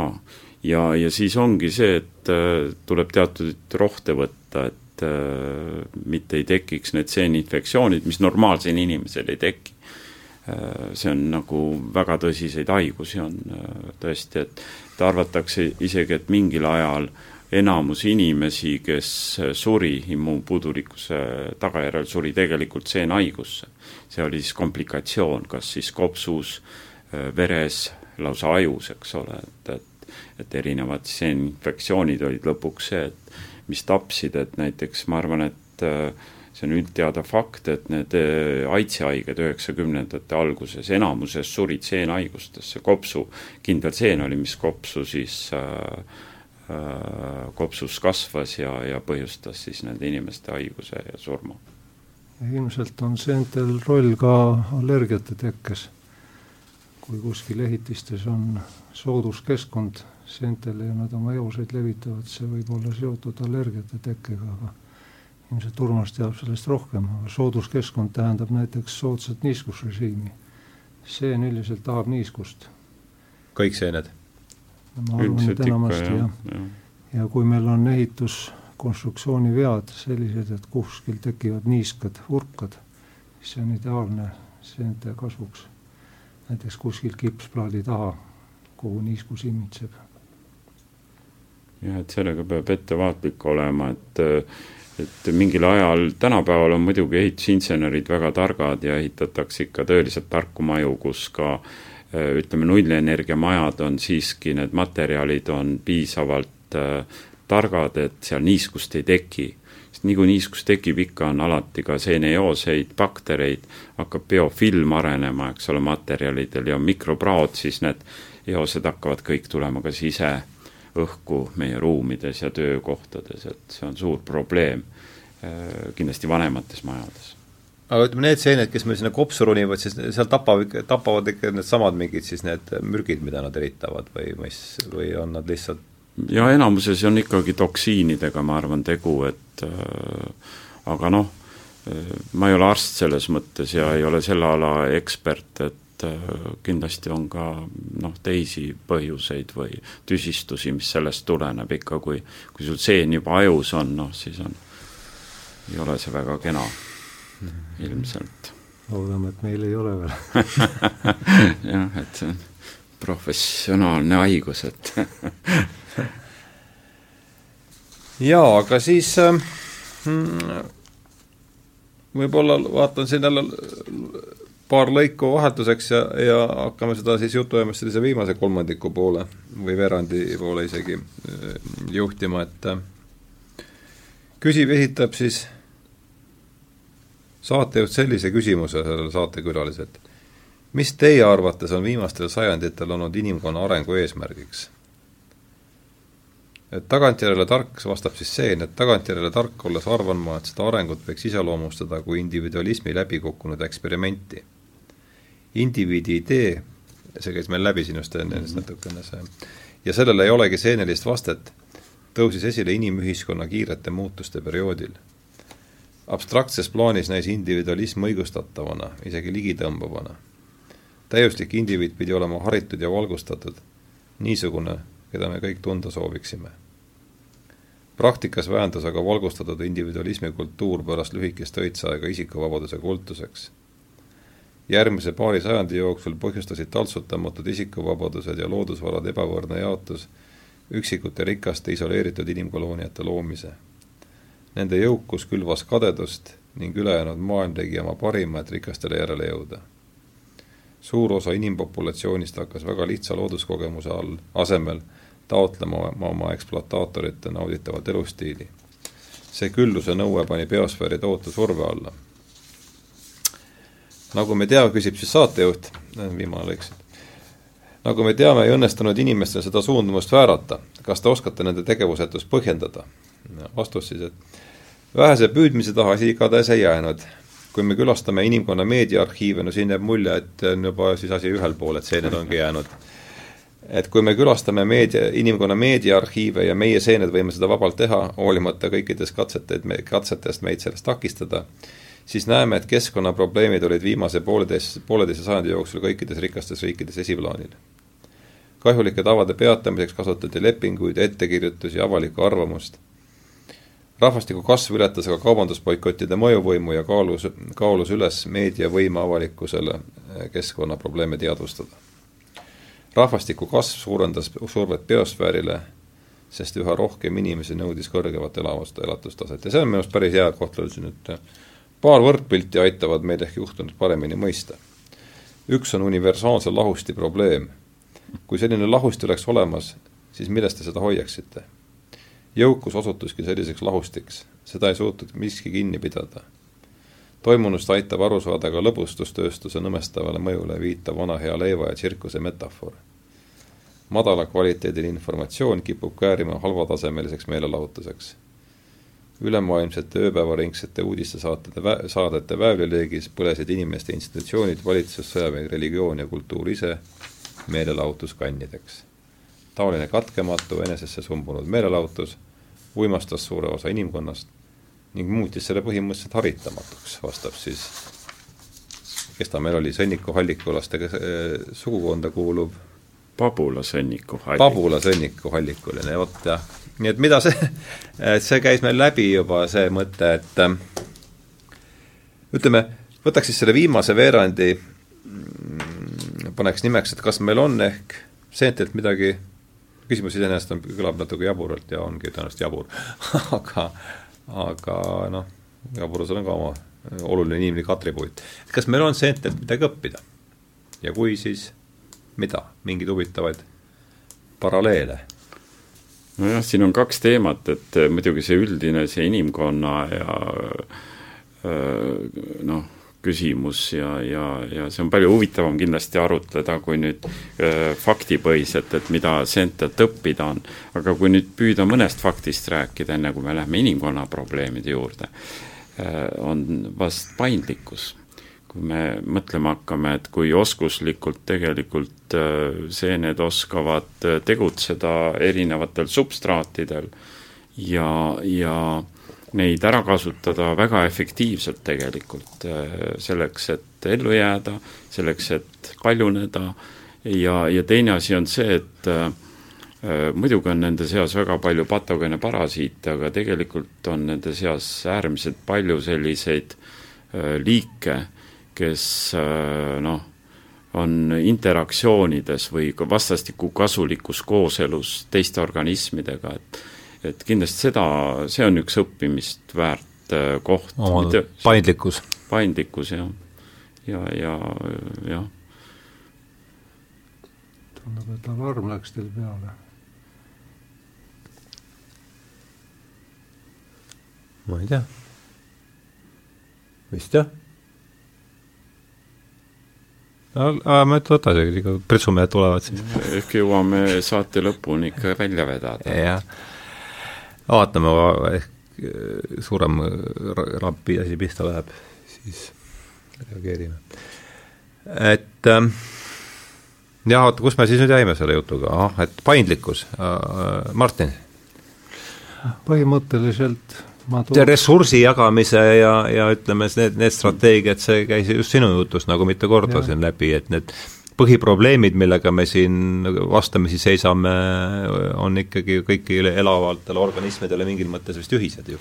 jah, ega inimene tegelikult võiks eeskuju võtta mitte ainult seentest, vaid üldse sellistest organismirühmadest, millised on olnud mingil ajal evolutsioonis väga edukad, aga mis on püsima jäänud stabiilselt sellepärast et inimene on praegu liik, kes on absoluutselt väga edukas. ta laiendab kogu aeg oma populatsiooni, haarab ressursse, avaldab juba keskkonnale tohutut mõju. ja kogu see looduskaitse, keskkonnakaitse temaatika on tegelikult jutt sellest, kas inimpopulatsioon jääb stabiilseks ja mis tingimustel ja kuidas ta peaks siis kohastuma ja kohanema. Ja noh, see, need on üks näide siin tõesti, nagu Urmas ütles, paindlikkus seentel esineb nii-öelda selliseid olukordi, kus no kas või parasiidid tapavad oma peremehe, nad justkui halvendavad oma seisundit või nagu seeneringid on, eks ole, koloonia keskelt sureb, aga teised elavad edasi, ühesõnaga neil on strateegiad ja taktikad, kuidas stabiilselt elada ja mitte oma keskkonda muuta enesele halvemaks. inimesel on see etapp veel läbimata, inimene on faasis kus ta muudab oma keskkonda halvemaks. no põhimõtteliselt me võime siin oodata sadu, tuhandeid põlvkondi, kui tekib selline inimene lõpuks, kes sellest kõigest läbi tuleb ja on kohastunud. aga kuna inimesel on selline võimas relv antud nagu aju, tõesti suurepärane kohastumus, siis inimene võib-olla on muutumiseks võimeline kiiremini. ja ühesõnaga, seenel võttis see miljoneid aastaid tasakaal leida meie ehk saaksime veidikene kiiremini. nii et selles suhtes mitte ainult seened, aga, aga sellised edukad, aga tasakaalu jäänud organismirühmad on mingis mõttes meile eeskujuks, iseasi, kas me seda ühiskonnana õppida suudame. indiviidina ma arvan, me kõik tunnistame, et nii võiks olla. noh, see on, ma arvan, et hakkame taga või kuidagi tasapisi jõudma sinnasamasse kohta välja, kus me võib-olla olime selle eelmise saate lõpus, kus kus Martin, sa ka külas olid siin, et ja me rääkisime nagu mitmekesisusest elu ja, ja üks üks lause või üks niisugune lentsõna, mis mulle sealt kõrva jäi ja mis tõenäoliselt võib-olla isegi väärib eraldi saadet, aga aga millest me võib-olla siin ka tänases saates rääkida võiksime, oleks seesama igamehe, igamehe looduskaitse, et et minul ei ole suurt usku selliste valitsuse initsiatiivide suhtes, olgu nad siis rahvusvahelised või, või, või, või üksikust, aga seda selles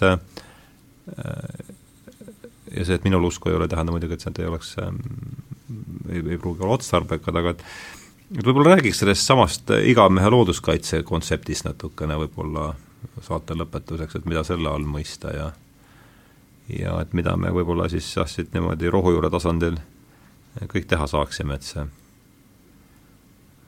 enam-vähem, enam-vähem harjumuspärane looduskeskkond ja säiliks.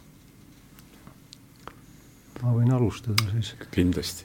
ahah, eks põhimõtteliselt äh, on tõesti nii, et kõikidest keskkonnaga ja loodusega seotud probleemidest räägitakse vahel juba viimasel ajal suhteliselt dramaatiliselt.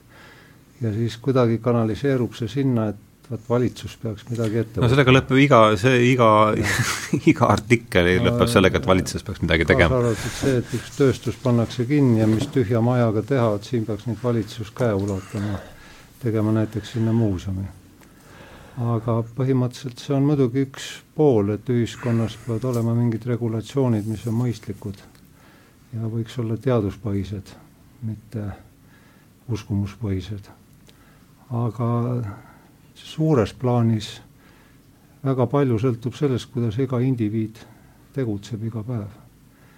ja no loomulikult mina siin indiviidina ei saa midagi teha sellepärast, et Indoneesias põletatakse soid ja totaalne süsiniku emissioon on võrdväärne Euroopa Liidu kütustest tuleneva emissiooniga suurusjärkudes, sinna ma ei saa midagi parata. aga kui enamik inimesi maal mingil määral mõistusepäraselt tegutseb, siis tegelikult paljud probleemid võivad poole paremaks või poole võrra lahendatud saada vähemalt. Sellepärast, et meie toitumis- ja tarbimisharjumused määravad sedavõrra palju. kui me suudaks lausa sinnamaani, et eh, demograafilised eh, käitumismallid muutuks ka vastutustundlikuks siis oleks ju juba peaaegu kolmveerand probleemidest lahendatud. kuidas seda nüüd saavutada? seal on väga palju viise. Teaduspõhine maailmavaade võib olla sama efektiivne kui mingi spirituaalne käitumine. aga nad kõik võiks kuidagi tunnistada seda, et, et tasakaal loodusega on vähemasti üks asi, mida, mida me indiviidina väärtustame. noh kõlab võib-olla idealistlikult, aga tilk tilga haaval, ma arvan, need asjad arenevad tegelikult.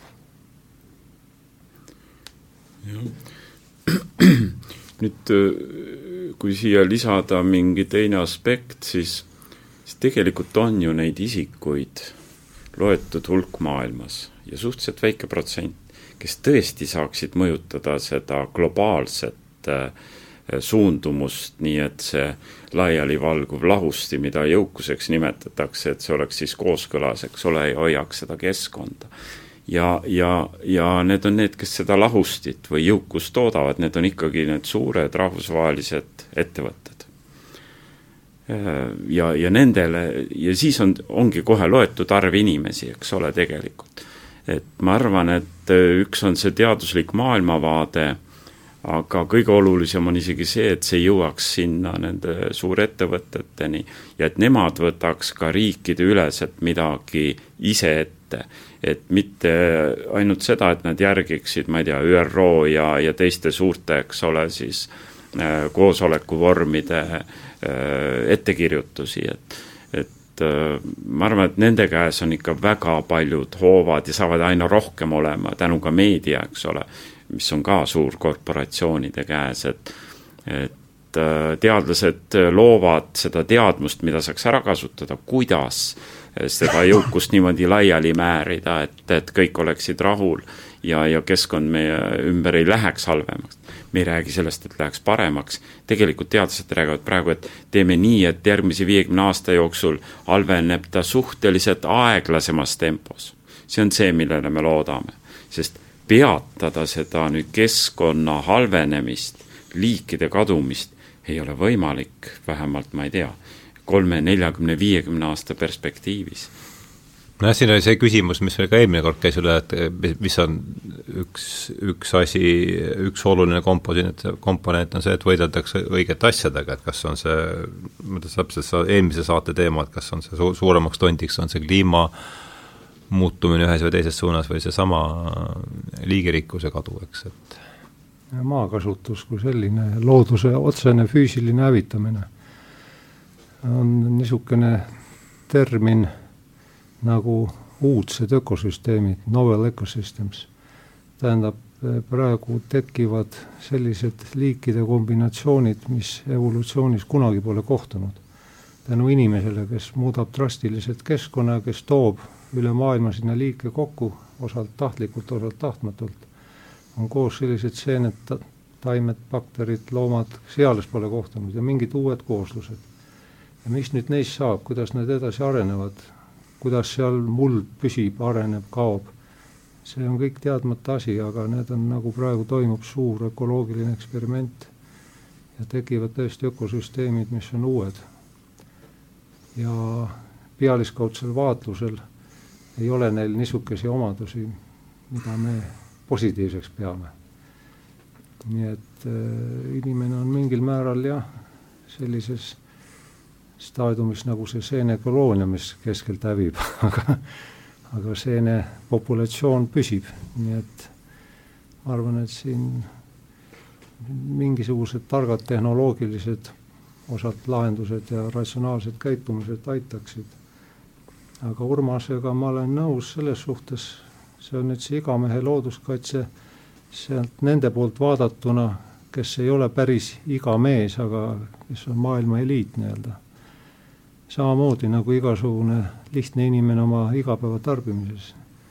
tegelikult ma arvan, et eliidi individuaalne käitumine ja väärtushinnangud võiks väga palju muuta maailmas. ja ei liigu eliidi sees, ei tea täpselt, mis nende hinnangud on, aga nende juhitud korporatsioonid ei ole küll välja näidanud veel seda, et neil niisugust vastutustundlikkust oleks, ehkki tegelikult mingeid niisuguseid naljakaid märke on. vist sa ise oled käinud Madagaskaris välitöödel, kus oli küsimus selles, et suurkorporatsioonid ja eurooplast, Euroopast sisse toodud plantaatorid nii-öelda sisse tulnud, hävitavad loodust ja nüüd on vist loodus praktiliselt tänu kasvavale rahvastikule täieliselt hävitatud, välja arvatud paar kaitseala, mida omavad need suurkorporatsioonid. nii et noh, see on niisugune groteskne näide. aga tõenäoliselt otsust tegelikku majanduselu, ühiskonnaelu mõjutajate vastutustundlikkus käib iga mehe looduskaitse alla. jah, tege-, tege-, kui võib öelda ühe iga mehe, mida Eestis võib-olla isegi naised teeks seda esimesena, kes on võib-olla pikema perspektiivi peale, ma loodan, mõtlevad, tulenevalt nendest evolutsioonilisest rollist. ostke kas või väike tükk maad Eestis, pange oma raha sinna ja jätke see maa rahule. ärge tehke seal mitte midagi. ostke see tükk metsa, niitu ja jätke ja muidugi valvake, et keegi seda ei tuleks siis äh, muutma. et, et kui selline võrgustik tekiks ja seda teevad arenenud riikide kodanikud, üksikisikud, teevad seda spetsiifiliselt, nad isegi tulevad kokku, panevad raha kokku ja ostavad kuskil mujal riigis. mina tean sõpru teistest riikidest, kes on tulnud Eestisse ja teinud seda, kui oli hästi odav, ostsid ja jätsid ja, ja jätsid looduse hooleks just meelega, et, et kui rohumaa on, siis võiks niita jah, see on niisugune poollooduslik, et ja. neid lilli ja, ja õistaimi hoida, et et see on küll niisugune lihtne võimalus, muidugi tänapäeval aina raskem kalliduse tõttu. ja see oli ka selle Wilsoni põhiline idee vist, et ainuke kokku või väljapääs ongi siin, kui me mingi osa, lepime kõik kokku, et mingi osa maast jääb majandus, sellisest otsesest majandustegevusest äh, välja, et see aga põhimõtteliselt äh, ta jääb näivalt majandustegevusest välja, ta omab selle tõttu väärtust, et inimestele see meeldib ja kui me mõtleme sellise väga suure majandusharu peale nagu turism, kus inimesed ja rekreatsioon külastavad kohti ja viibivad kohtades, mis neile meeldivad, nii et selles suhtes ta päris nagu eraldiseisev ühiskonna huvidest ei ole no. lihtsalt me ei pea mitte seitse tundi lennukiga sõitma, vaid saame siinsamas käia kohas, mis meile meeldib. Aga sina oled majandusteadlane, ilmselt haldad seda statistikat paremini, aga vist käis läbi mingi selline number, et et umbes viiskümmend kuus maailma rikkamat inimest on sama rikkad kui vaesem pool kogu maakera rahvastikust summaarselt. ja no ma kutsuks kõigepealt seda viitkümmend kuut inimest üles, kes nad iganes on.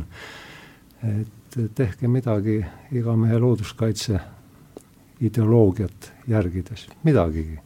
võib-olla nad teevad, ma ei tea mm jaa, mul huvitav, mul siin Martini siin jäi, käis nagu läbi niisuguse kahepooluseline, et see teaduslik maailma nägemine ja, ja, ja spirituaalne maailma nägemine, et kuidas sa, ma ei tea, kuidas, võib-olla see, siin võikski järsku tõmmata kui sinna juba jutt läks, et kuidas sa neid kahte üldse nagu, üritaks mõistet piiritleda esialgu?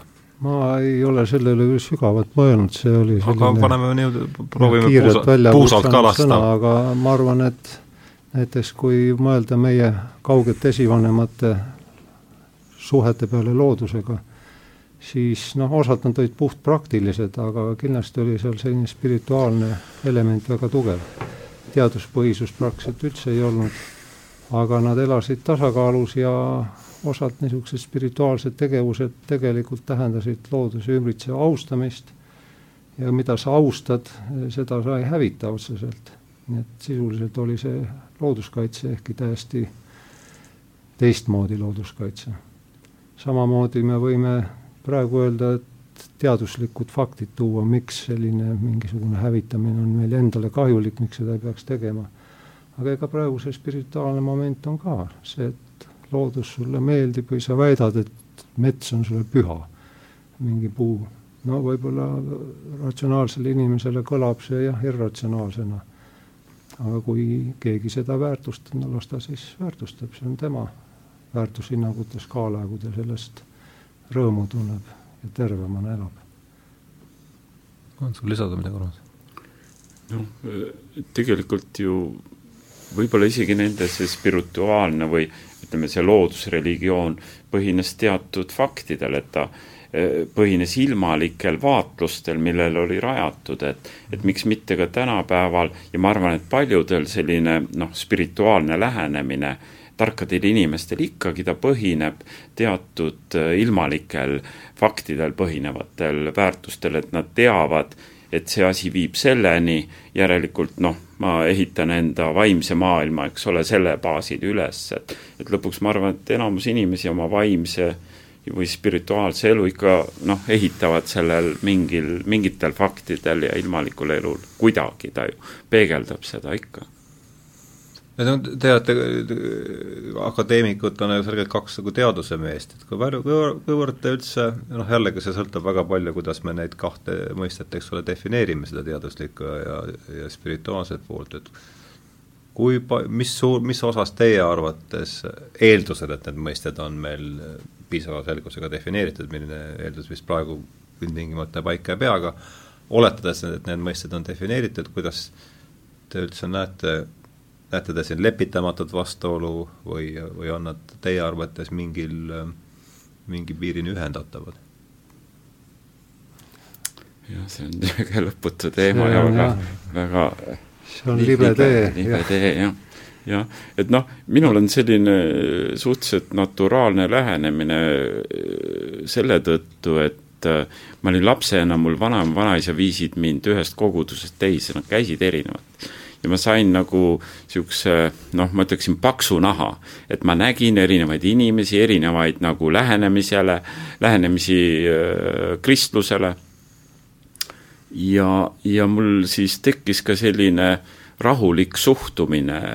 Ja ma nägin inimesi, kes olid äh, kelle religioon põhines tegelikult väga palju, nagu ma ütlesin, ilmalikul vaatel või, või faktidel. empiirilisel niisugusel lähenemisel. jah, ja, ja, ja ma nägin, et see oli neile väga tervislik, et või see oli mul lapse kogemus noore inimese, et et ma ise nagu vaatasin kõrvalt seda, et et ma ei tahta ennast ühegi sellise kohe naturaalselt, ma tundsin, et ma ei taha kellegiga seotud olla, aga see oli väga põnev, et et ja ma tagantjärgi arvan, et see mõjutas minu elu väga palju tegelikult, sest ma nägin neid erinevaid inimesi ja ja, ja selles mõttes ma arvan, väga paljudele inimestele on seda spirituaalset elu primaarsena isegi vaja ja aga, aga jällegi, kuidas see maailm üles ehitatakse, kes selle ehitab?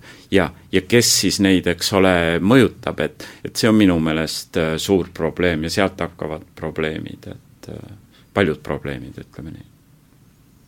jah, minu käest küsitakse, mis usku ma olen, siis mul on hea vastus enda arust, et ma olen teadususku, ma usun teadusse aga ma absoluutselt olen nõus ka sellega, et ega teadusel on oma piirid maailma tunnetamisel praegu.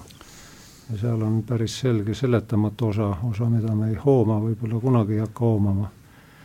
ja noh, sealt edasi, kuidas seda käsitleda, noh, siin on erinevaid võimalusi. aga noh, see on ka võib-olla koht, kus, kus tõmmatagi loogiline koht, kus sellele vestlusele tõmmata. Joon alla, tänan teid, Urmas ja Martin, tulemast, me rääkisime siis täna äh,, alustasime pihta kodanikust nimega Pilobolus Kristallinus ja jõudsime läbi seeneriigi evolutsiooni ja iseseisvumise lõpuks teadvuse ja spirituaalsuse suhetena, mida see teadus on meil vähe nagu paremini defineeritud mõiste kindlasti kui spirituaalsus, mida selle all mõistetakse. Äh, aga, aga iseenesest on see teema huvitav ja, ja me kavatseme selle, seda küsimust ka edaspidi lahata, aga aga tänasel teema, tänasel jutuajamisel on siis nüüd joon all, äh, saates olid akadeemikud Urmas Kõljalg ja Martin Soobel ja mina olen saatejuht ja olen siiani saatejuht Arto Pajula. tänan kuulamast!